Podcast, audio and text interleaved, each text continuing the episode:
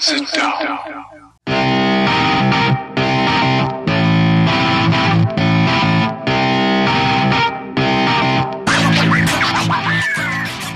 Witam wszystkich i każdego z osobna. Ja jestem Robert Kochan, a to jest Kochana NBA, najbardziej nieobiektywny podcast o najlepszej koszykarskiej lidze świata. To już 51 odcinek, a razem ze mną jest jak zwykle Wiaro. Siema Wiaro, co tam u Ciebie słychać? Siema Robert, cześć wszystkim. A, powiem Ci, że e, wyjątkowo dobrze się czuję, jak na kogoś po 50. Nie spodziewałem się, że, że, że, że to tak będzie wyglądać. E, można powiedzieć, że pełny energii. Mm, także no słuchaj, e, ciągniemy do setki, zobaczymy jak będzie, jak, jak, jak miniemy magiczne, magiczne 1 i 2-0. E, no ale póki co, tak jak mówię, pełna energia, no i jedziemy z tym koksem, nie? No, ta energia się na pewno przyda, bo jeszcze tak naprawdę tylko kilka tygodni i już wracamy no troszkę do tego nowego sezonu. Rozpoczynają się training campy, będzie na pewno na co czekać, e, będzie się czym ekscytować. Razem z tym początkiem sezonu e, przyjdzie też jesień i to zarówno ta w krajobrazie, jak i w kalendarzu. No a jak e, jesteśmy przy tym kalendarzu, no bo w sumie gdzieś tam już e, jakieś pierwsze rzeczy z tego kalendarza nowego sezonu zdradzaliśmy w poprzednich odcinkach podcastu, no ale wyszły troszkę nowe fakty na ten temat, które no, powiem ci, że e, pokazują, że NBA nie do końca sprawiedliwie podchodzi do wszystkich zespołów. Tak mi się przynajmniej wydaje. Jakiś czas temu NBA postanowiła zmniejszyć liczbę takich dłuższych serii, czy następujących po sobie meczów jak back-to-backs, czy takich dłuższych e, serii jak na przykład trzy mecze w pięć dni, czy też pięć meczów w siedem dni. Postanowili e, z tym skończyć, bo no, w NBA zwiększyła się jakby ilość kontuzji, coraz, coraz więcej, e, coraz większa ilość graczy narzekała na to, że kalendarz jest zbyt napięty. E, no i właśnie zmniejszając e, tę liczbę, e, zeszli w 2018 roku do 21 tylko takich meczów, właśnie pięciu meczów w 7 dni rozgrywanych i w 2019 roku było takich meczów 19. No a w tym roku będzie ich aż 42. Ten, ten kalendarz NBA znowu będzie mocno napięty. No ale słuchaj, w zasadzie jedna trzecia z tych meczów przypada na dwie drużyny. Moi Clippers biedni, umęczeni, e, dostali pięć e, takich serii, właśnie pięć meczów w siedem dni, tak samo jak Portland Trail Blazers. No, a z drugiej strony aż siedem drużyn podobno nie ma żadnej takiej serii, ani jednej. E, Los Angeles Lakers mają tylko jedną. Mocno się kibice Clippers zdenerwowali tym faktem. Zresztą dużo osób też w tej sprawie również na Twitterze pisało do NBA, NBA starała się odpowiadać. E, no a powiedz mi, e, ty widziałeś, nie? Te, te statystyki, czy, czy one robią na tobie wrażenie, to, że te dysproporcje są tak duże? Mm, to znaczy tak, e, oczywiście to są same fakty, które tutaj przytoczyłeś.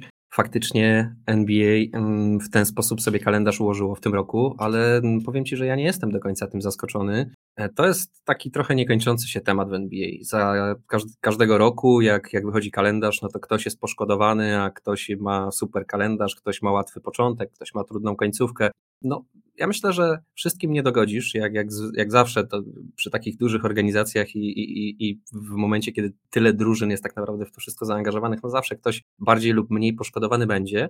Natomiast powiem Ci jedną rzecz. Bardziej mnie zastanawia fakt, z czego to wynika. Dlaczego to tak jest? E, dlaczego akurat Clippers i dlaczego akurat Portland mają tak ciasny kalendarz, biorąc pod uwagę, że, no tak jak mówisz, są drużyny, które nie mają ani jednej takiej serii, a jakby nie było, wszyscy grają w tym samym czasie. No to nie jest to nie jest tak, że Denver zagra meczy niż, niż zagra Los Angeles Clippers. Wszystkie drużyny grają ty, tych, tych meczy 82 w sezonie. No a z jakiegoś powodu Clipsi mają, mają mocno to wszystko napięte, a, a w Denver to jest y, jakoś tak porozkładane, że zawsze jest ten dzień czy dwa dni przerwy pomiędzy meczami. E, zastanawiałem się nad tym dość długo i powiem Ci, że no nie wiem, z czego by to mogło wynikać. Wydaje mi się, że to po prostu, jakbym tak najobiektywniej e, chciał na to spojrzeć, no to prawdopodobnie to, jest, to, to wynika z tego, że po prostu ciężko jest ten kalendarz w taki sposób ułożyć, żeby, żeby zawsze, jakby za mało czasu pewnie jest i za dużo meczy, żeby można było to tak ułożyć, żeby żadna drużyna nie była poszkodowana. Więc ktoś, ktoś zawsze poszkodowany musi być. Wydaje mi się, że to jest jakiś tam przypadek, na kogo akurat w tym roku padnie. Może jest jakaś tam, nie wiem, być może mają nawet jakąś listę, gdzie to się z roku na rok zmienia i żonglują tymi drużynami, które mają właśnie więcej meczy. Oni mają taką listę i na tej liście jest napisane wielkimi czerwonymi literami Clippers. Bo to nie, bo owszem, jest, masz rację, ktoś musi być poszkodowany, ale czemu to zawsze my jesteśmy poszkodowani? Nie wiem, czy wiesz, ale Clippers są drużyną, która notorycznie ma jedne z gorszych e, kalendarzy gier w całej lidze. E, wszystko dlatego, że e, dzielimy halę razem z Lakersami to jest taka bardzo dziwna polityka, bo właścicielem Staples Centers jest firma, która AEG, jeśli się nie mylę, tak przynajmniej, tak przynajmniej przeczytałem. I ta, ta firma posiada także 50% praw do drużyny Los Angeles Kings, e, to jest bodajże drużyna hokeja, która gra właśnie w LA i 27% praw do Lakersów. E, oni, właściciele Staples Center są współwłaścicielami Lakersów, nie? Więc kiedy przychodzi jakby do ustalania e, kalendarza, bo jednak e, NBA ustala też ten kalendarz z arenami, to podobno Kings mają priorytet w ogóle przy ustalaniu tego kalendarza, nie? To jest jakby pierwsza drużyna, która sobie gdzieś tam bukuje jakieś najważniejsze terminy. Drudzy w kolejce są Lakers, a my jesteśmy na samym końcu, więc już jakby z samego tego, że, że jesteśmy po prostu e, przez, no przez współwłaścicieli Lakers w jakiś sposób gdzieś tam spychani e, na, na dalsze tory, co w ogóle moim zdaniem NBA nie powinna do, do czegoś takiego doprowadzać, no ale, ale tak, tak się dzieje, takie są fakty. E, no to wiesz, no to, to już, to już samo działało na, na naszą niekorzyść. No ale okej, okay, spoko.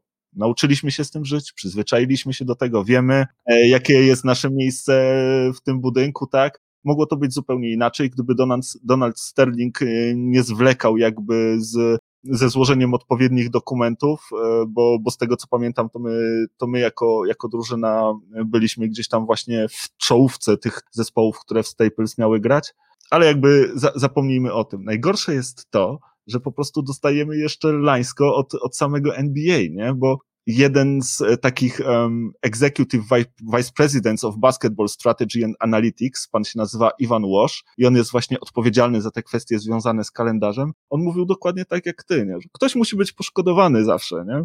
E, że no, nie, wszystkim nie dogodzimy, tak? Że tutaj owszem, staraliśmy się zrobić to tak, żeby drużyna, która ma przerąbane w jednym aspekcie, miała super bardzo dobrze w innym aspekcie. I że Clippers są drużyną, która będzie miała najwięcej takich ekstra dni restowych, tak? Gdzieś tam e, powrzucanych. E, no ale okazało się, że to nie jest e, do końca prawda i w tych pozostałych e, elementach też jesteśmy albo mniej więcej w środku stawki, no albo wręcz na jednej z tych, z tych gorszych pozycji, tak? Jesteśmy na przykład na czwartym miejscu w całej lidze, jeżeli chodzi o dystans podróżowania w całym sezonie, tak? Będziemy jedną z najwięcej latających drużyn i podróżujących drużyn w całej lidze, tak?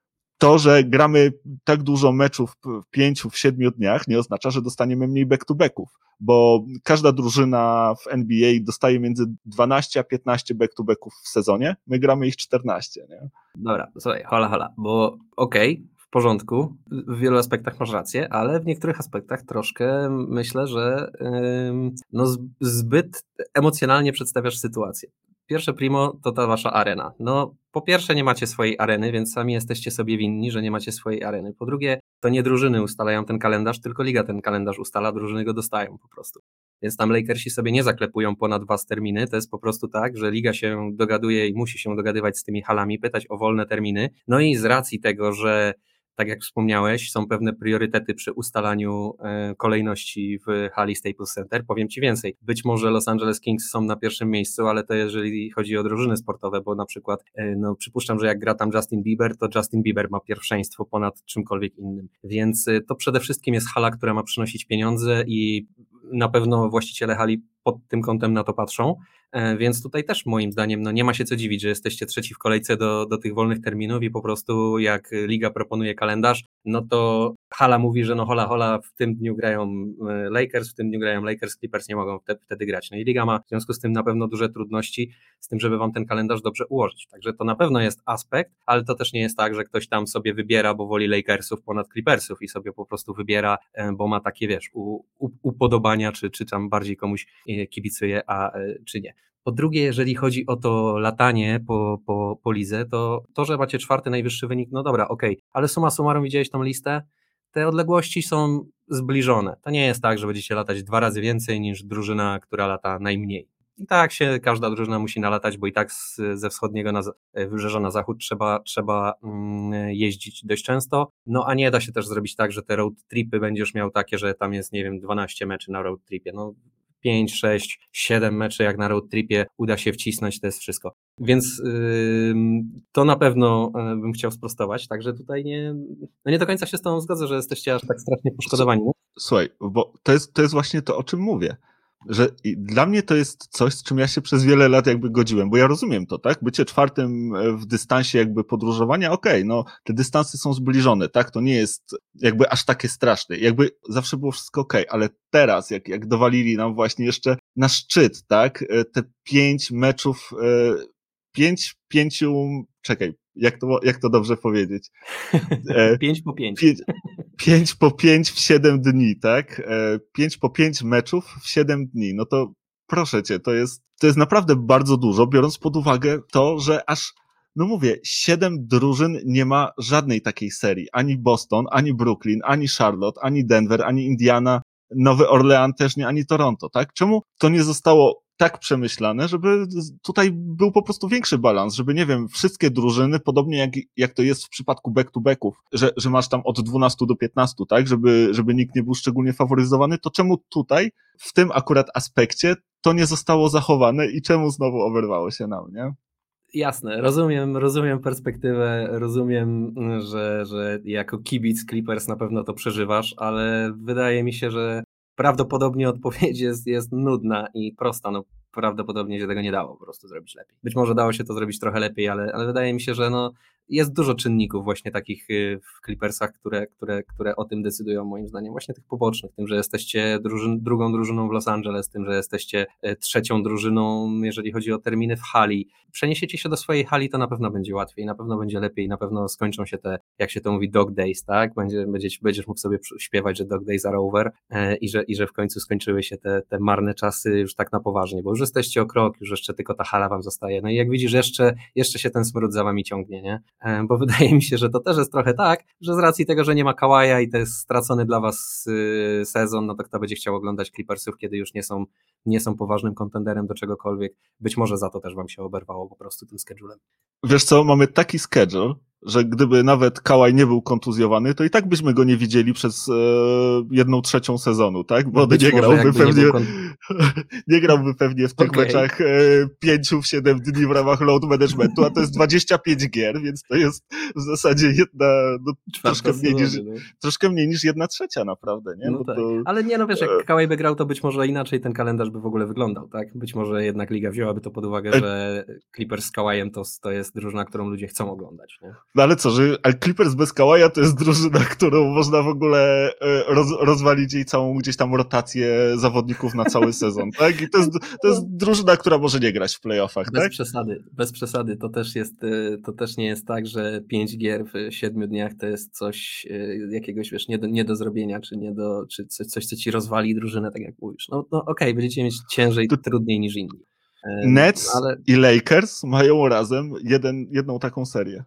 No okej, okay, no słuchaj, tak jak ci mówię, no y, nie ma się co dziwić, że Nets i Lakers y, mają to tak zrobione. No weź pod uwagę, że tego się sprawiedliwie nie da zrobić. No to jest jednak 30 drużyn, które grają w halach, które są do różnych rzeczy używane i musisz to wszystko zgrać i skoordynować, a też nie może być tak, że żeby było sprawiedliwie, to co drugi mecz grasz u siebie, a co drugi na wyjeździe, bo wtedy byś się znowu nalatał jak głupi, nie? Więc wiesz, tam jest dużo na pewno czynników, które trzeba wziąć pod uwagę. Ja wiem, łatwo się, łatwo się psioczy z perspektywy urażonego kibica, nie? Ale e, wziąć pod uwagę, że to, to naprawdę nie jest takie proste, żeby ten kalendarz ułożyć sprawiedliwie po prostu dla wszystkich. Nie, no ja to absolutnie rozumiem. E, absolutnie to rozumiem. W ogóle tutaj pozdrowienia dla moich towarzyszy niedoli z Portland, którzy mają tak samo przerobane w tym sezonie jak my. Ja nie wiem, Słuchaj, czemu oni tak mają. Może to dlatego, że NBA chciałaby, żeby Damian Lillard y, uciekł z Portland, więc dowalili taki kalendarz, że przeżyną znowu sezon i Dame się wkurzy, stwierdzi, że chce wygrać i odejdzie wiesz, do Nowego Jorku. Najwyższy czas, nie? Być może, być może, no byłoby to zabawne, nie, gdyby to Liga żarcik. Tak, to, ja wiem, nie, no żarcik, to jest, ale zabawny by, był, zabawny by to było, gdyby Liga chciała tak po cichu powiedzieć Dame'owi, że Dame idź coś wygrać, nie? No wielu pewnie kibiców NBA życzyłoby sobie, żeby Damon odszedł z Portland już i, i, i coś tam, coś tam naprawdę zaczął wygrywać. To oczywiście nic y, przeciwko Portland, wręcz przeciwnie, bardzo tą drużynę lubię, ale no nie potrafią po prostu zbudować wygrywającej drużyny na oko Damon. Dobra, słuchaj, nadszedł czas, żebyśmy przeszli do naszego głównego tematu dzisiejszego odcinka. Po tym narzekaniu z mojej strony przez ostatni kwadrans. Teraz będzie chyba troszkę zabawniej, bo po, pobawimy się w grę e, mniej więcej. Weźmiemy sobie na warsztat takie prognozy dokonane przez e, bookmacherów e, z FanDuel. Oni przygotowali takie no, prognozowane jakby liczby zwycięstw danego zespołu które zawsze gdzieś tam mają połówki na końcu, żeby można było właśnie obstawiać, że ta drużyna albo wygra więcej meczów, albo mniej. I my troszkę, troszkę się tym pobawimy dzisiaj. Posprawdzamy sobie, jak te, jak te właśnie markery do poszczególnych zespołów zostały dopasowane, no i czy naszym zdaniem jest to jakby odpowiednia dla tego zespołu liczba, czy jednak tych zwycięstw będzie więcej, czy mniej. Jesteś gotowy? Tak, ja dodam tylko, że z premedytacją nie, nie, nie e, patrzyłem na tą listę, więc e, nie wiem, jak e, FanDuel sobie to wymyśliło, także będę tutaj się zaskakiwał pewnie z częścią fanów, jakie ta, no i będziemy próbowali obstawiać, czy to będzie więcej, czy to będzie mniej. No dobra, no to może zaczniemy z grubej rury. Od drużyny, której porażkę w poprzednim sezonie dosyć obstawiałeś, mianowicie od Brooklyn Nets, tak? Chyba głównych faworytów do sięgnięcia po tytuł. FanDuel wycenił ich na 56,5 zwycięstwa w tym sezonie. No i co myślisz, Wiaro, będzie więcej czy mniej? Mam wrażenie, że popełniałem ten, ten, ten sam błąd rok temu, ale obstawię mniej. 56 to jest dużo. To jest też, jak na taką drużynę może to nie jest dużo, ale wydaje mi się, że to będzie coś w okolicach 56 meczów. Wydaje mi się, że wygrają coś koło 55, 54, coś w ten deseń. E, być może to wciąż wystarczy na to, żeby być pierwszą drużyną na wschodzie, na pewno będą w czołówce, bo wydaje mi się, że wschód nie będzie taki mocny, że tam nie będziemy mieli takich, takich e, no nikt się nie zbliży do tych wyników, które, nie wiem, Warriorsi e, robili 72 wygrane mecze, czyli to, to takich rzeczy nie będziemy obserwować. Także myślę, że najlepsza drużyna będzie miała coś około 60 zwycięstw, w ogóle w lidze, w sensie najlepsza drużyna, tak? Będzie miała coś około 60 zwycięstw na koniec sezonu. Także 56 być może to w ogóle będą właśnie Brooklyn Nets dużo, moim zdaniem. Ja obstawię, że, że nie ugrają tyle w tym sezonie. No ale tak jak mówię, no mam wrażenie, że ten sam błąd popełniałem rok temu, jak się zakładaliśmy o obiad. No widzisz, no to ja się zachowam w takim razie tak samo jak w poprzednim roku też, bo Easy widać money, te, tak? tak, widać ta taktyka się świetnie sprawdza i obstawię, że, że będzie to 57 meczów, że to będzie więcej, że to nie będzie dużo więcej, ale że właśnie to będzie chyba 57, ewentualnie 58, coś w tych rejonach. Że to będzie takie ledwo przekroczenie tego pułapu, ale wydaje mi się, że naprawdę no, Brooklyn mają taki skład, mają taką pakę. Jak oni tylko, jak, jak oni będą zdrowi, jak Kairi okadzi ich wszystkich i natchnie, tak, i zadba właśnie o odpowiednią aurę, a przy okazji będzie mu się chciało grać i to wszystko kliknie. Przecież do nich dołączył jeszcze teraz e, Lamarcus Aldridge i Paul Millsap, tak? Czyli wiesz, no Paul Millsap to był chyba najlepszy z tych e, wolnych agentów, którzy jeszcze pozostali do, do zgarnięcia. I to to jest taki gość, którego im dokładnie potrzeba, nie? Gdzieś tam na tej pozycji wysokiego, gość, który ma e, bardzo wysokie basketball IQ, który potrafi bronić, który potrafi no, dać ci przynajmniej kilka dobrych minut e, w, w meczu i to nawet w playoffach, nie? Więc, e, więc naprawdę fajne wzmocnienie jeszcze dodatkowo. No i ten Lamarcus Aldridge, który będzie gdzieś tam pewnie na centrze występował, no, zobaczymy, co on e, ma jeszcze w baku. Natomiast też gość e, z dużym jakby basketball IQ i, i z dużymi e, też umiejętnościami kiedyś, więc wydaje się, że, że ta paczka, ten trzon jakby główny, tak, ta trzygłowa hydra, plus naprawdę klasowi roleplayerzy z dużymi nazwiskami też, nie? Jakby na to nie patrzeć. No, że to, to może być taka lokomotywa, a najbardziej, to co mnie najbardziej przekonuje, to to, jaki Harden jest nakręcony na ten sezon. E, on naprawdę, wydaje mi się, jest głodny tego, żeby pokazać się z najlepszej strony. To był gość, który miał taką reputację Ironmana, nie? Przez długi czas. On grał bardzo dużo tych meczów i, i grał ich dużo pod rząd. E, no a potem przydarzyła mu się ta kontuzja w poprzednim sezonie, która wyeliminowała go z gry na chwilę. Wrócił dosłownie w ostatnim momencie, tak? Na te przegrane serie playoffowe, czy też serię playoffową. E, no i, i teraz jest bardzo głodny tego, żeby pokazać się z najlepszej strony przed tym sezonem, więc myślę, że oni tutaj mogą chcieć e, powalczyć, zwłaszcza, że czuję, że Milwaukee się też będzie chciało bić o pierwsze miejsce. Że oni zobaczyli, jak to, gdzie ten mecz numer 7 między nimi e, będzie rozgrywany, może być istotny. Okej, okay. jestem w stanie to kupić, ale z drugiej strony mam dla ciebie dwie, dwie perspektywy, na które chciałbym, żebyś zwrócił uwagę. Pierwsza rzecz to to, o czym już tutaj wspomniałeś, a mianowicie te wszystkie kontuzje. I tak naprawdę to, to e, obie z tych rzeczy e, do tego nawiązują. No bo zobacz, e, fajnie się wszystko mówi o Brooklyn, jak sobie tak o nich opowiadamy, jaka to jest wspaniała drużyna, jacy to są wspaniali grajkowie, ale bardzo często używamy takich zwrotów jak jak, o ile, jeśli, jeżeli. No to jest moim zdaniem właśnie dużo niewiadomych, jeżeli chodzi o tą drużynę, szczególnie właśnie zdrowie i, i te inne rzeczy. Druga sprawa, ja nie wiem, czy oni się będą zajeżdżać w tym sezonie. Mm, w poprzednim sezonie z tej trzygłowej hydry został wąż tak naprawdę, bo jak inaczej nazwać jednogłową hydrę. Tak, no, jak inaczej nazwać Kevina Duranta. Tak. Więc w poprzednim sezonie z tej trzygłowej hydry został wąż w playoffach e, i myślę, że Nets będą się tego bali, będą, będą mieli w głowie to, że w zeszłym roku musieli tak naprawdę grać tą trójką zawodników bardzo mocno przez cały sezon, nie miał kto e, wspierać chłopaków. No i skończyło się tym, że tak naprawdę został na koniec Kevin Durant w tej drużynie. Myślę, że będą chcieli tego unikać. Myślę, że nie będą się zajeżdżać w sezonie zasadniczym. Myślę, że e, oni, tak jak tutaj mówisz, Milwaukee będzie się chciało bić o pierwsze miejsce, bo widzieli, jak ten Game 7 jest istotny. Myślę, że tutaj e, Nets będą mieli inną perspektywę. Myślę, że oni widzą, że prawie wygrali z Milwaukee, mimo że mieli samego Kevina Duranta. I myślę, że oni tu nie będą się zajeżdżać o to, żeby mieć ten home court advantage. Myślę, że będzie im oczywiście zależało na tym, żeby gdzieś tam być w czołówce e, na wschodzie, ale czy to będzie drugie miejsce, a nawet jeżeli to będzie trzecie miejsce, to myślę, że oni nie będą jakoś strasznie o to walczyć walczyć. Myślę, że będą chcieli być zdrowi na playoffy, myślę, że będą chcieli być w pełni sił na playoffy, gotowi po prostu do tego, żeby, żeby wygrać mistrza i pokazać, że są naprawdę klasową drużyną, no a nie właśnie mm, no, no mieć ten problem, który mieli w zeszłym roku, tak? Że byli połamani, że byli nie, nie do końca zdrowi, no i był tak naprawdę Kevin Durant. No słuchaj, oni się na pewno zajeżdżać nie będą. E, ja czuję, że to będzie, że jakie to będzie restowanie, to będzie takie restowanie, że oni w trzy kwarty rzucą komuś 120 punktów, a potem czwartą przesiedzą. To może tak, tak, tak wyglądać. Może to tak, też tak być, ale też wydaje mi się, że oni po prostu nie będą szaleć, że muszą wygrać, nie wiem, 65 meczy w sezonie. Nie? Że będą po prostu na dobrym torze do tego, żeby zająć pierwsze, drugie czy trzecie miejsce na wschodzie. To nie będzie im zależało, a wydaje mi się, że właśnie to będzie w okolicach tych 56 meczów, o których tutaj mówimy. E, no i stąd, no wiesz, ja tak trochę na przekór oczywiście obstawię, obstawię Brooklyn, bo jak najbardziej mają ogromne szanse na to, żeby, żeby ugrać te nawet 60 czy 65 meczy. No to jest jednak taka ekipa, że no tutaj trzeba sobie szukać powodów do tego, żeby, żeby coś znaleźć, e, co, co może nie zadziałać. Aczkolwiek, tak jak mówię, no cały czas w naszych rozmowach jest bardzo dużo pytajników, bardzo dużo znaków zapytania, jeżeli chodzi o tą drużynę. E, zobaczymy.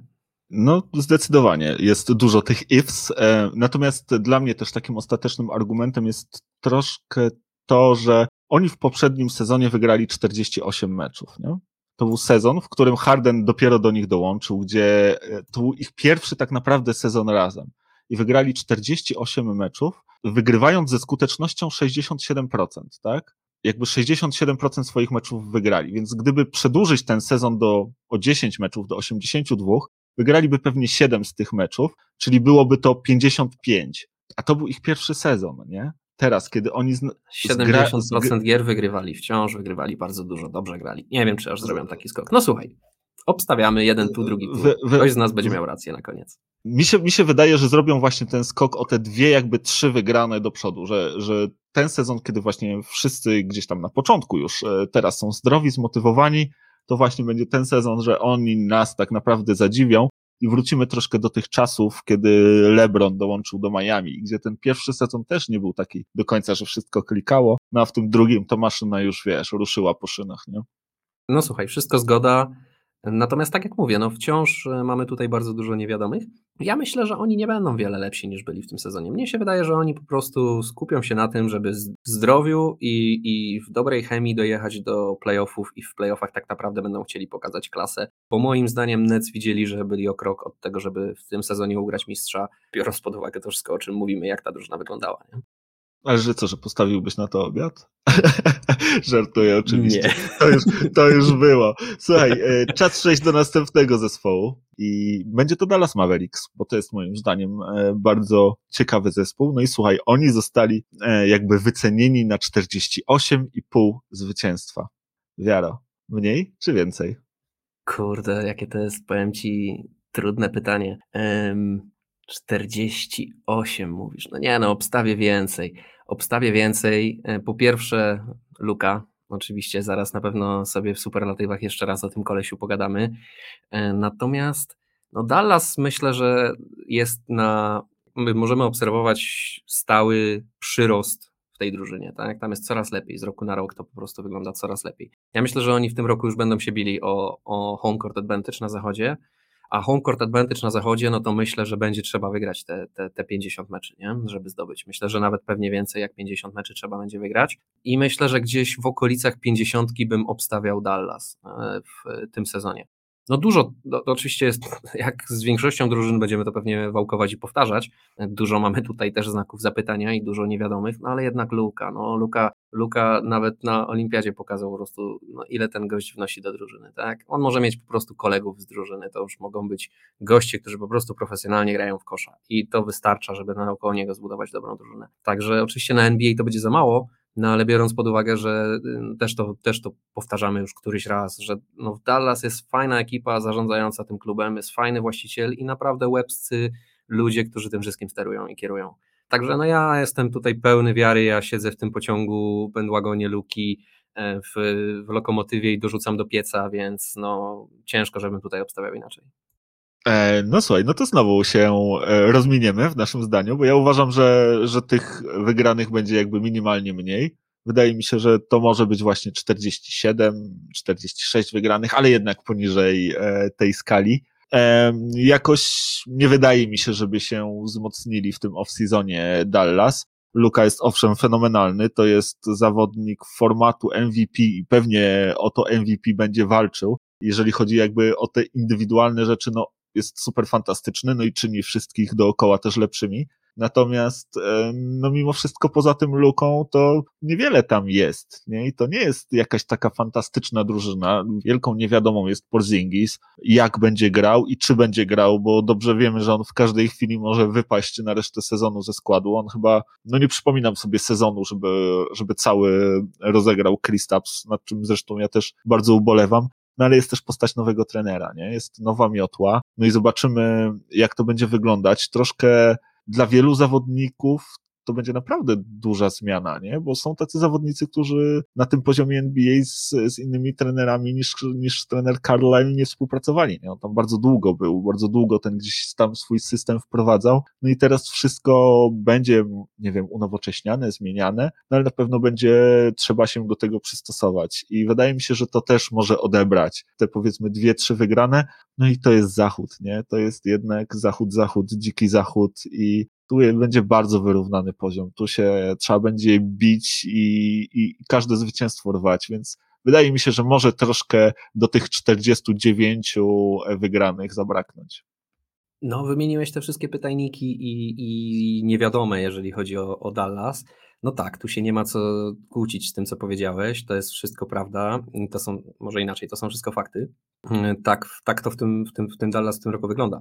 Natomiast no, z drugiej strony są drużyny, które ewidentnie w tym sezonie będą słabsze. Tak? To jest choćby Denver Nuggets, to jest choćby Los Angeles Clippers, żeby daleko nie szukać nasze ulubione drużyny. E, więc y, takiego szaleństwa nie będzie. Ja myślę, że y, San Antonio też w tym roku nie będzie prezentowało nie wiadomo czego. E, ja też obstawiam, że Utah i, i Phoenix nie będą wyglądały tak dobrze jak w zeszłym roku, więc y, patrząc na to wszystko i obstawiając to, jak będzie wyglądała ta drabinka na koniec i czy e, Dallas się załapie do top 4, e, no mnie się wydaje, że się załapią. Mnie się wydaje, że, że się znajdą w tej, w tej topowej czwórce zachodu na koniec sezonu, razem zresztą pewnie z Lakersami. Słuchaj, no jak się znajdą w tej czwórce, no to będą musieli mieć te, te 50 wygranych meczy. Bo tak jak mówisz, to wciąż jest zachód. To wciąż jest zachód, dziki, dziki zachód, na którym po prostu, no, no tam się dzieją cuda, tam, tam nie ma łatwych meczy. Nie? I, I musisz po prostu, no tak ze względu na to, że grasz więcej meczy jakby z, nie było z zespołami ze swojej konferencji niż z zespołami e, z drugiej konferencji, no to teoretycznie by się wydawało, że na zachodzie e, powinna być większa młódzka i mniej tych wygranych powinno być. No ale zachód co roku pokazuje, że jest tam, nie, że nie, jest nie tylko bardzo mocny wewnętrznie, ale też leją zachód bardzo regularnie, pomijając oczywiście te topowe drużyny z, ze wschodu. Więc yy, nadrabiają te mecze. Więc tam wciąż, tam trzeba wygrać 50 meczy, żeby się, żeby się łapać do, w ogóle do playoffów, nie? Tam 45 meczy to, to nie jest dość, żeby myśleć o tym, że, że będziesz w playoffach. Mm, wydaje mi się, że Dallas jest zdecydowanie drużyną, która w tych playoffach zagra i wydaje mi się, że będą w e, top 4 e, zachodu. Dlatego będę, ja obstawię ich tutaj w górę. Aczkolwiek oczywiście zgadzam się ze wszystkim, co powiedziałeś, tu jest bardzo dużo wciąż niewiadomych, jeżeli o tą drużynę chodzi. E, no słuchaj, Dallas w poprzednim sezonie skończyli na miejscu piątym, mieli 42 wygrane w tym sezonie właśnie krótszym. E, gdyby ten sezon był normalny, biorąc pod uwagę procentową e, ich wygrywalność, to mieliby na koncie 48, więc też myślę, że, że, że też bardzo mądrze te markery zostały ustawione, bo no, rzadko się kiedy zdarza, żebyśmy byli pewni, że, że jakaś drużyna tak, będzie bardzo tak. nad albo bardzo pod, nie? Zgadza się. Więc, e, więc wydaje mi się, że to będą właśnie też te okolice, natomiast no ja nie czuję, że, że ta drużyna się jakoś szczególnie wzmocniła. Rzeczywiście są drużyny, które pewnie zwolnią tam troszkę miejsca w tej topowej czwórce, no ale pojawią się kolejne, nie? Bo mogą pojawić się Golden, może pojawić się Golden State Warriors, czy, czy któraś in, inna drużyna z zachodu może nagle odpalić, jak Phoenix w poprzednim sezonie, nie? Więc e, no, to no jest zobaczymy. zagrożenie. Jasne. E, powiedz mi, ty już wywołałeś do tablicy gdzieś tam Lakersów, mówiąc o tym top 4 zachodu, to może właśnie szybciutko do Lakersów teraz. Ich marker został ustawiony na 53,5 zwycięstwa w tym, e, w tym nowym sezonie NBA. Jak myślisz, więcej czy mniej zwycięzców będą mieli Lakers? Myślę, że więcej. Myślę, że e, niewiele więcej, ale myślę, że będą mieli więcej zwycięstw.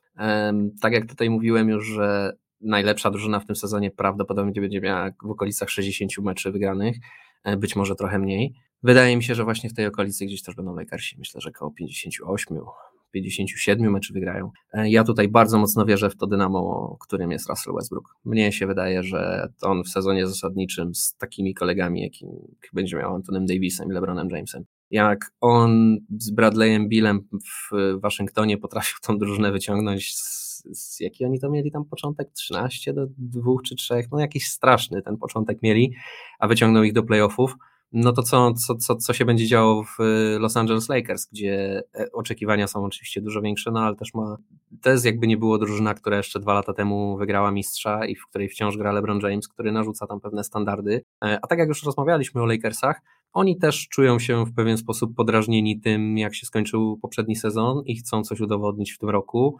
Mm, też bardzo poważnie tam wszystkie te gwiazdy sobie wzięły, jakby to widać, że, że, że chcą wrócić z, takim, z taką, wiesz, chęcią zemsty wręcz na całej lidze.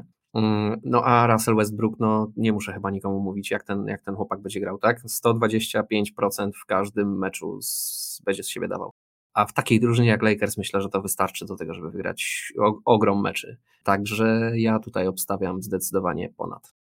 Jejku, jaki to jest piękny odcinek, jak się wspaniale różnimy w każdym z tematów. To, to ja nie, to ja myślę, ja myślę, że tych meczów będzie mniej. Nie zdecydowanie, oczywiście tylko troszkę mniej. Choć ja myślę podobnie jak ty, że Lakers będą topową drużyną na zachodzie i myślę, że te 52 zwycięstwa wystarczą na pierwsze albo drugie miejsce. Wydaje mi się, że y, jedyną drużyną, która będzie w stanie przeskoczyć Lakersów gdzieś tam pod względem liczby zwycięstw, y, może być y, właśnie Utah ale że Lakersi będą w tym topie, ale tych wygranych nie będzie aż tak dużo, że Zachód będzie bardzo wyrównany, że będzie to wszystko mocno ściśnięte jak zwykle, a do tego wyjazdy na wschód będą też trudniejsze niż, niż od dawna tak naprawdę, nie? Wschód się wzmocnił, wschód się wyrównał, już tam nie będzie takich łatwych objazdów, że jedziesz i wracasz, wiesz, z pięcioma wygranymi z rzędu, nie? Czy to, to są opinie, że to tak ujmę. E, Okej, okay. W każdym razie to jest jeden z czynników. Na kolejny czynnik to, czynnik to jest to, że Lakers grają w jednej z najtrudniejszych dywizji w NBA, tak? Tam naprawdę jest e,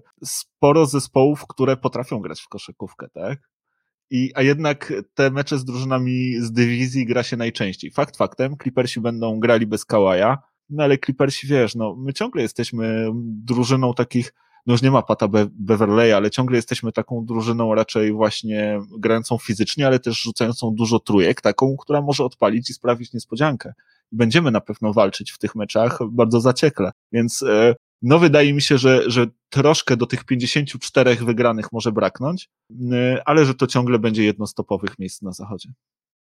No, tutaj mnie nie przekonujesz. E, w sensie okej, okay, Zachód jest trudny i wyrównany, ale Lakersi moim zdaniem wyrastają jednak ponad y, poziom Zachodu. Wydaje mi się, że, że 55 meczy to jest spokojnie w ich zasięgu.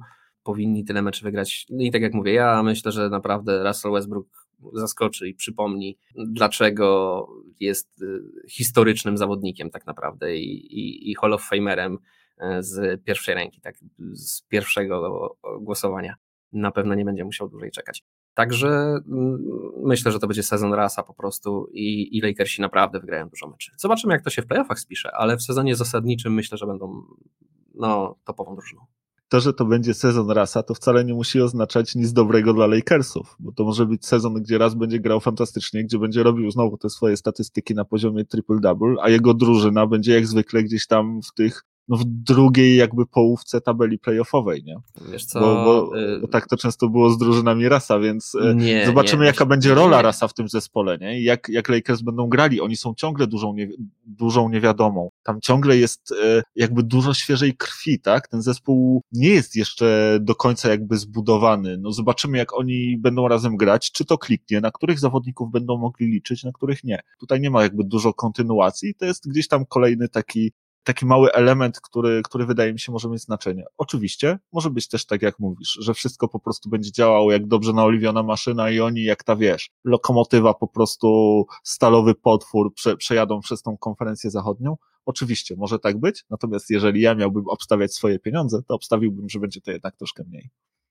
Nie no, yy, okej, okay, wszystko zgoda pomijając to, co powiedzieć na temat Rasa, bo tutaj akurat y, się nie, nie zgodzę z tobą. Russell Westbrook, jak gdzieś y, taką, taka statystyka mi się obiła uszy, że raz jak zdobywa triple-double, to jego drużyny wygrywają 72 albo 3% meczy. Jego granie się przekłada na wygrywanie. Jego granie się nie przekłada na wygrywanie ważnych meczy w ważnych momentach, bo on w tych kluczowych, decydujących momentach no wiesz co robi. Ale jego granie na wygrywanie tak ogólnie się przekłada wręcz no, no wzorowo, tak? Także ja tutaj myślę, że absolutnie się nie zgodzę z tym, że y, Russell Westbrook robi statystyki, a jego, jego zespoły nie wygrywają i że to są puste statystyki. Jak Russell gra słabo, to gra słabo, ale jak y, robi triple-double, to, to mówię ci, to wygrywa 70 ponad procent swoich meczy. To jest bardzo dużo.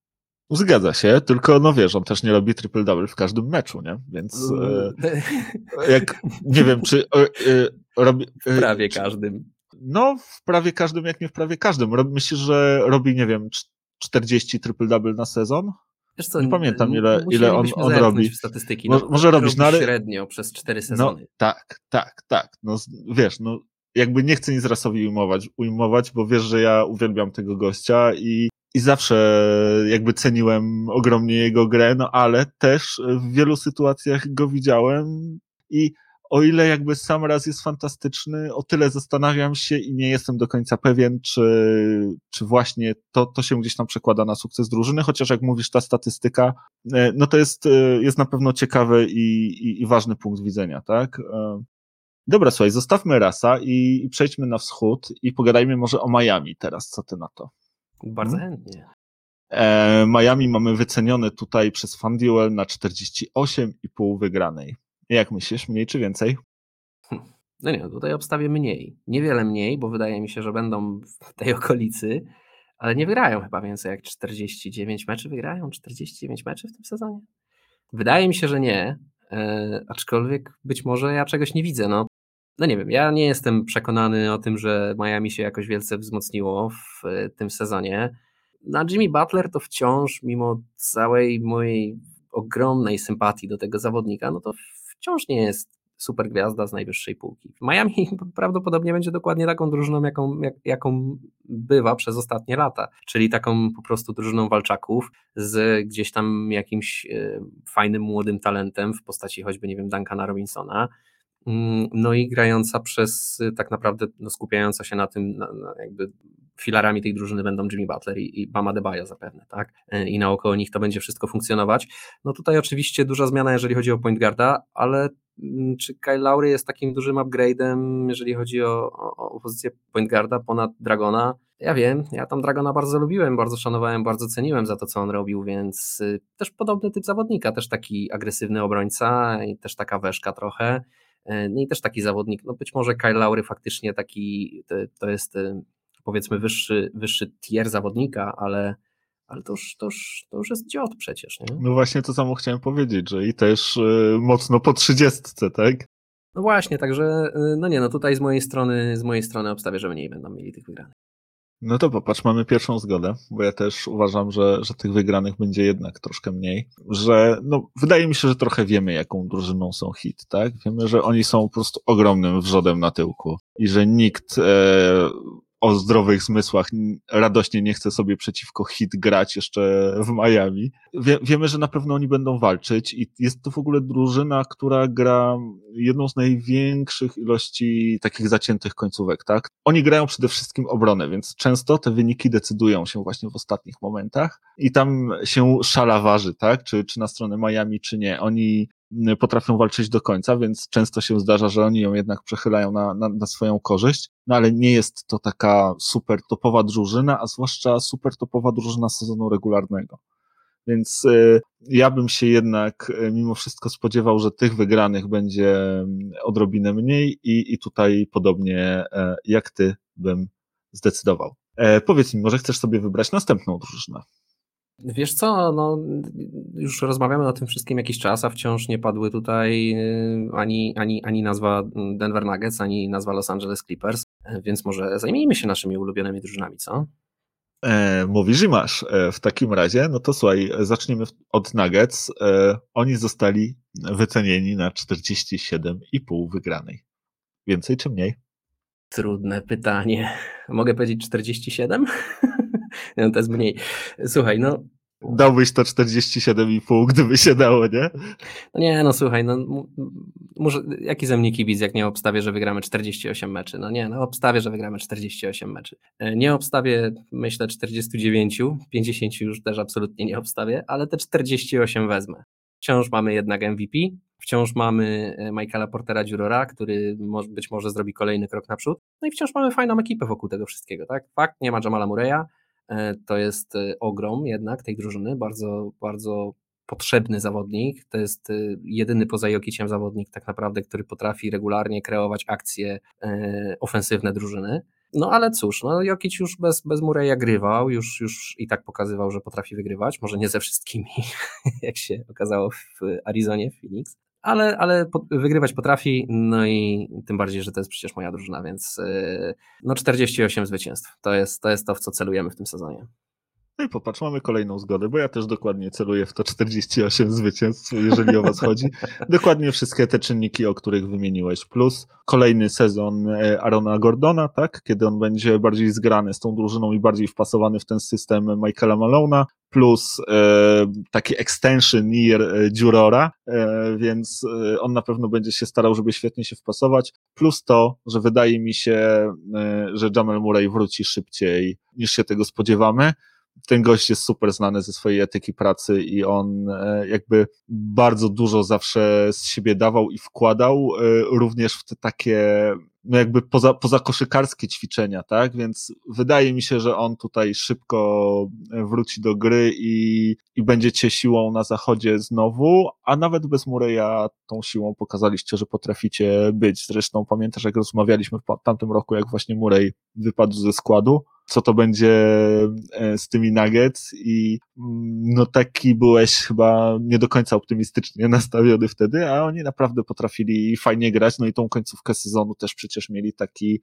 dosyć duży ran na trzecie miejsce w tabeli na zachodzie, nie? E, a, a, a Murray no, jednak przecież chwilę nie grał. No, więc, więc wydaje mi się, że, że powinno być to, to 48. Tak to, tak to czuję przynajmniej.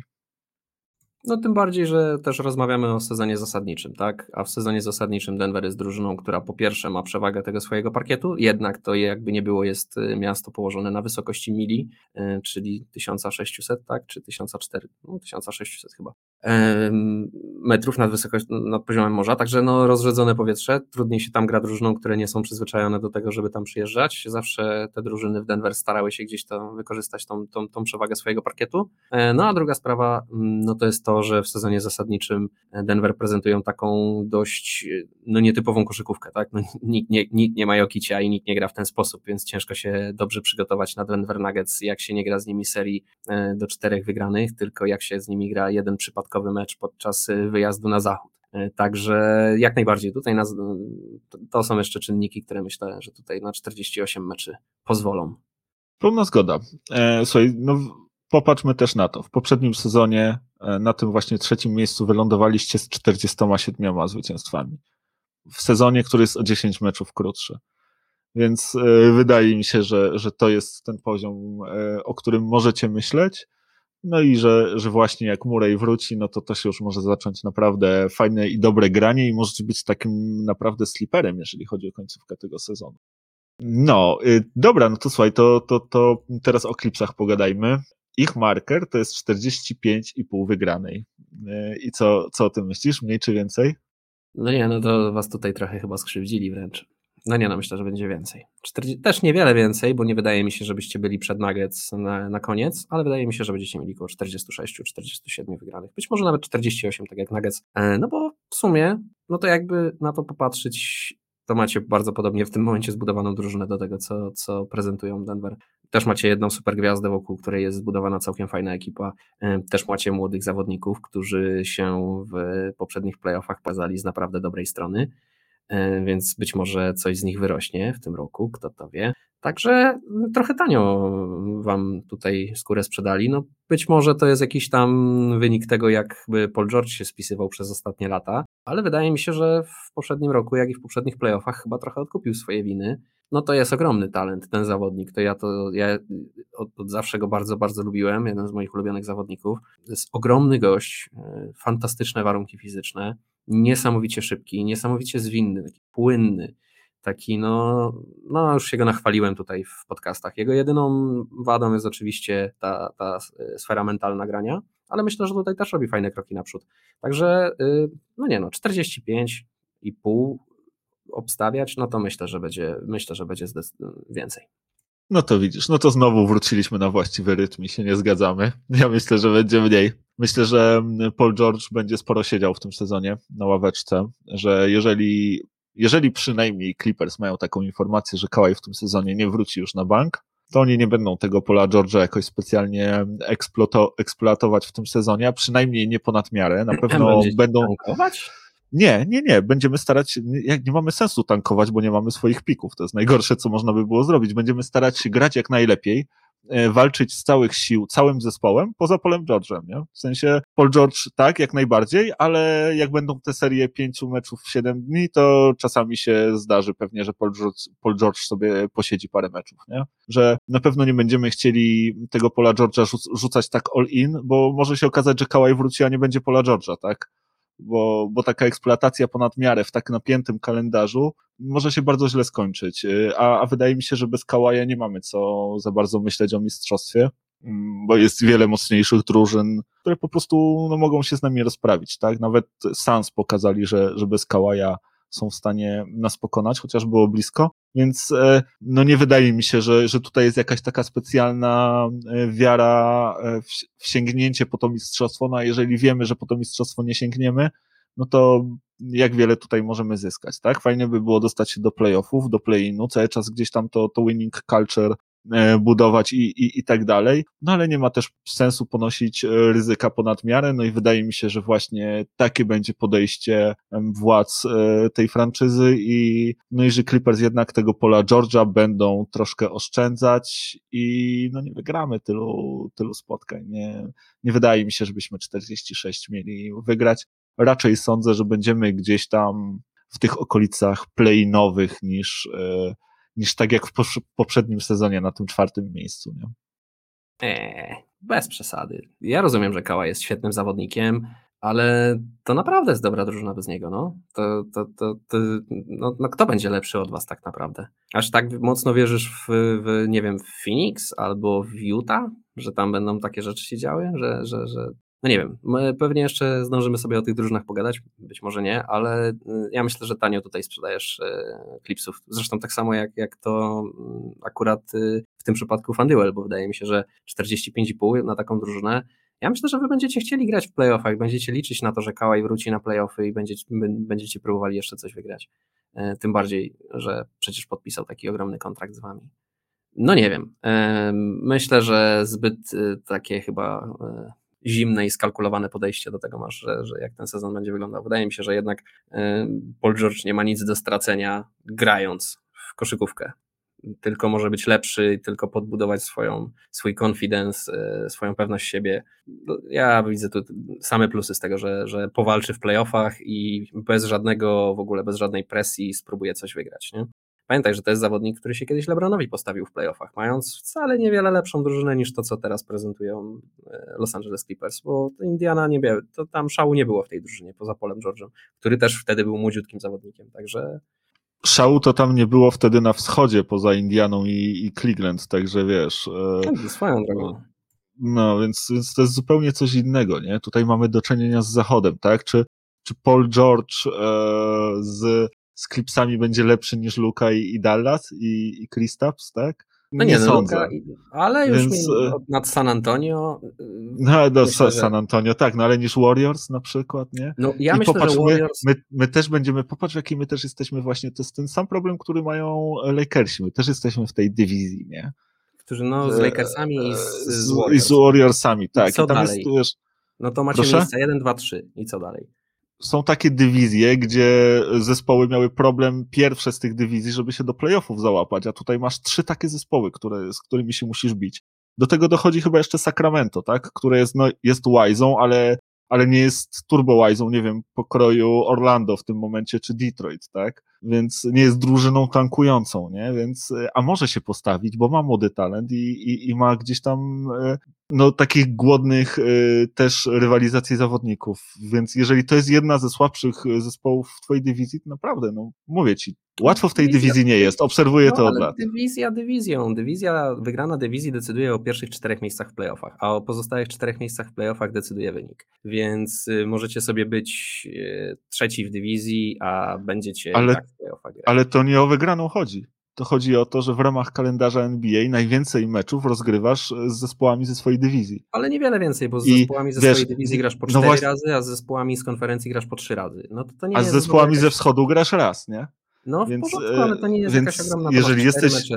E, lepiej zagrać, nie wiem, e, cztery mecze powiedzmy z Indianą i z New York Knicks, czy lepiej zagrać cztery mecze z Golden State Warriors i z Los Angeles Lakers, nie? Nie kłócę się. To jest, wiesz, to jest Jak najbardziej. problem. To są wciąż tylko cztery mecze to jest 8 meczów już.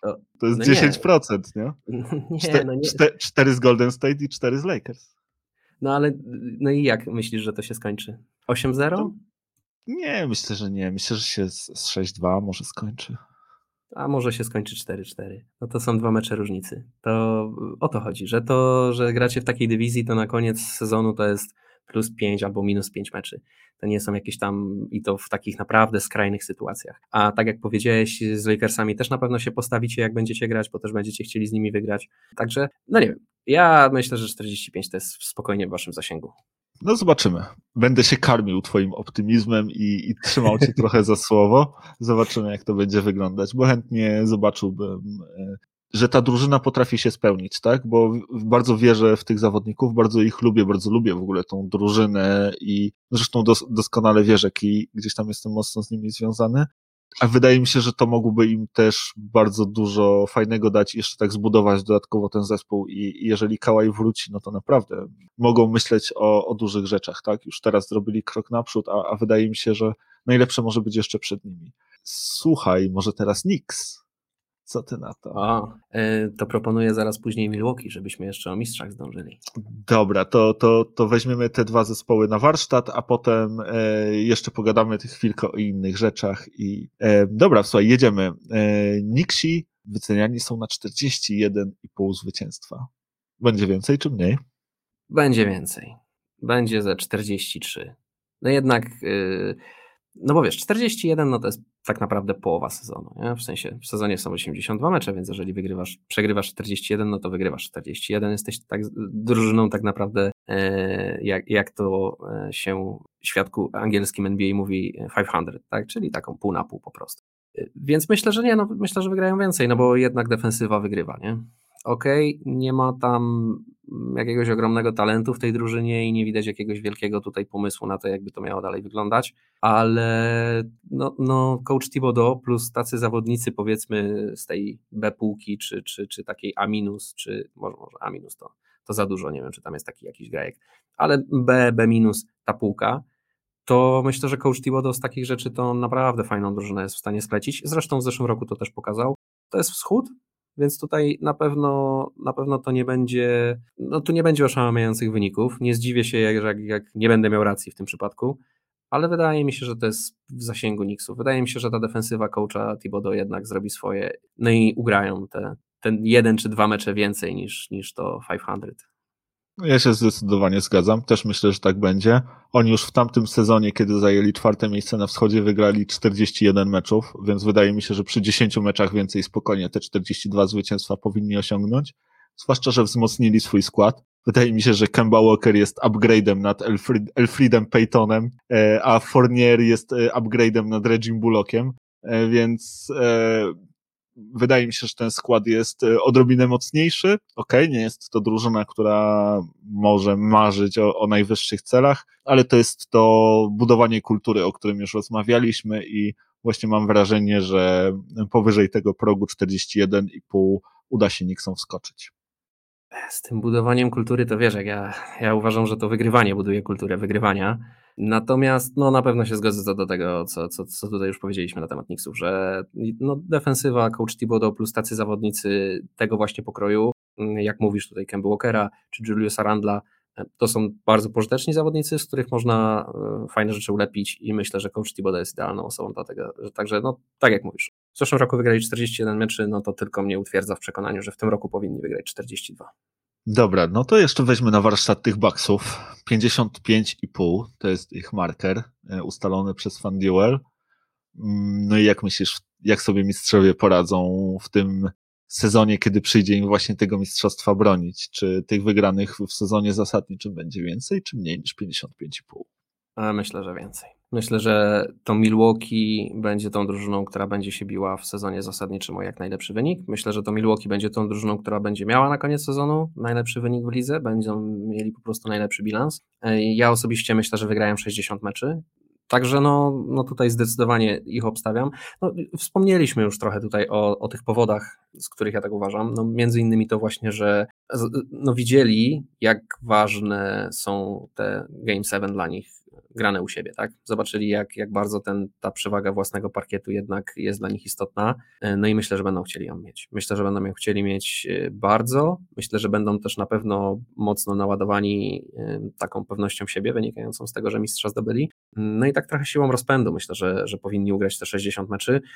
Tym bardziej, że spodziewam się, że zobaczymy najlepszy sezon Janisa, jaki do tej pory widzieliśmy. Myślę, że to Janis teraz, jak już nie będzie miał tych wszystkich rzeczy, wiesz, e, nie, nie, nie będzie miał tego ciśnienia i tego, no, tak jak mówiliśmy o Antonym Davisie, że, że spadnie z niego gdzieś ten ciężar, to myślę, że dokładnie to się wydarzy z Janisem.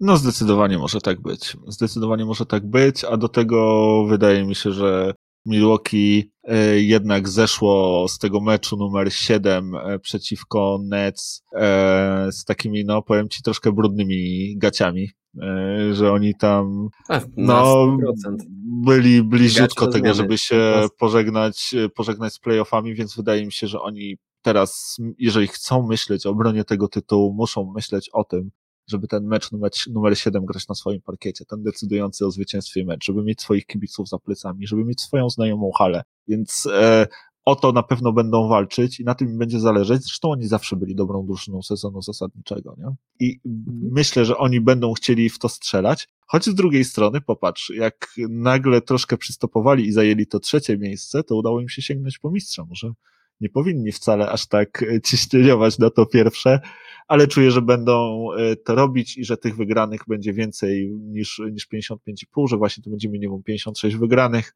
i że Bucks będą gdzieś tam w topie tej wschodniej konferencji, bijąc się y, o to pierwsze miejsce razem z Nets. E, dobra, słuchaj, zróbmy w takim razie sobie taką super szybką rundę. Zespół, numer, mówimy mniej więcej i, i przelećmy może przez wszystkie zespoły, żeby, żeby nikt się nie poczuł poszkodowany. Atlanta Hawks 46,5. Poniżej. Więcej. Boston Celtics 45,5. Poniżej. Mniej. Um, Hornets 37,5. Więcej. Też myślę, że więcej. Bulls 42,5. Mniej. Też myślę, że mniej. Ej, Cavaliers 27,5. O kurde, trudne. e, no niech będzie, że więcej. Też więcej. E, Detroit Pistons 23,5. Uuu. Niech będzie, że więcej. Zobaczymy, ile umie first round pick. Mniej. E, Warriors 47,5. E, e, e. Mniej, ale minimalnie. Eee, nie wiem, nie wiem, nie wiem, nie wiem, nie wiem. Dał, dałbym tutaj 100, 40, ja mówię, że 47,5 meczy wygrają. że jakoś się to tak zdarzy. Dobra, więcej. E, Rackets 27,5. Mniej. Mniej. E, Indiana Pacers 42,5. Więcej. Mm, więcej. Memphis Grizzlies 40,5. Uuu, więcej. Więcej. Minnesota Timberwolves 33,5. Mniej. Mniej? Dokładnie tak samo. New Orleans, New Orleans, New Orleans Pelicans 38,5. Mniej. Mniej. OKC 21,5. Więcej. Będzie grał Shea? Będzie grał Shea. To więcej. Bo jak nie będzie grał Shea, to mniej. No nie, jak nie eee. będzie Shea, to na pewno nie. Ale ja myślę, że Shea sam wygra 21 meczy. Orlando Magic 21,5. Mniej. Mniej. Philadelphia 76ers 51,5. Uuu. Eee, zakładamy, że mają taki skład, jak mają? Hmm, nie, nie wiem, co ci mam powiedzieć. Dobra, mniej. Jak, za, zależy, kogo spytasz. Jak spytasz Bena, to ci powie, że nie. Jak, jak, jak spytasz Daryla, odpowie, że jasne. E, ja obstawiam, że mniej. Sans 50,5. Mniej. Więcej. E, Blazers 44,5. Mniej. Mniej. E, Sacramento Kings 35,5. E, więcej. Mniej. Spurs 29,5. A? Mm, mniej. A? Więcej. Toronto Raptors 36,5. Kurde, chyba więcej. Tak z chyba szacunku. mniej. Chyba mniej. Tak e, naprawdę.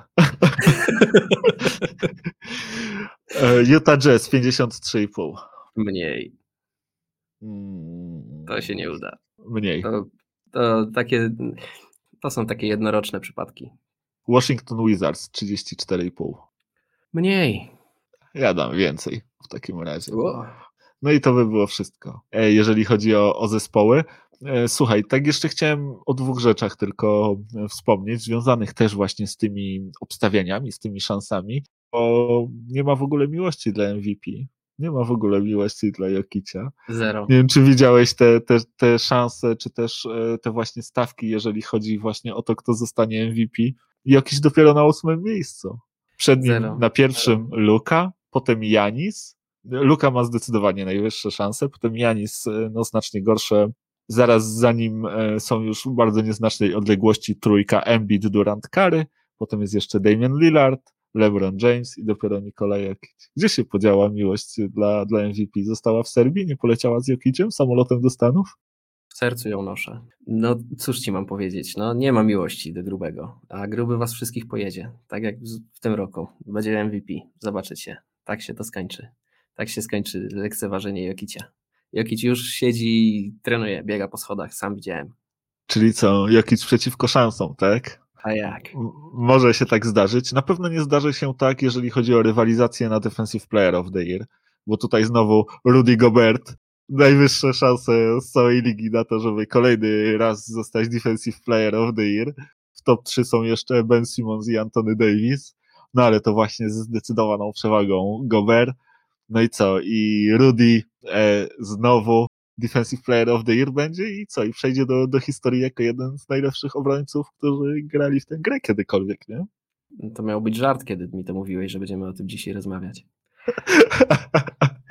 Potraktuj to w kategorii żartu. Natomiast ja nic nie poradzę. To jest, e, to jest zestawienie fan duel. E, takie, takie informacje znalazłem, no stwierdziłem, że się z tobą podzielę tym. No wiesz, co ja o tym myślę, no to jest zbrodnia w ogóle, że, że, że ktoś tak uważa. No ja już, ja już generalnie uważam, że y, już ma kilka statuetek, na które nie, nie zasłużył, ale jak naprawdę kiedyś będę miał jakąś okazję rozmawiać z kibicem w przyszłości, który mi będzie chciał wytłumaczyć, że Hakim Olajuwon był gorszym obrońcą niż y, Rudy Gobert, ponieważ Rudy Gobert ma więcej statuetek Defensive Player of the Year, to wyjdę z butów, stanę obok, naprawdę będziecie mnie musieli chyba z, z więzienia wyciągać. No, ktoś na pewno kiedyś zrobi mema na ten temat. E, zobaczymy. Nie, no, zbrodnia Dobrze, sobie, wiesz, co jest prawdziwą zbrodnią?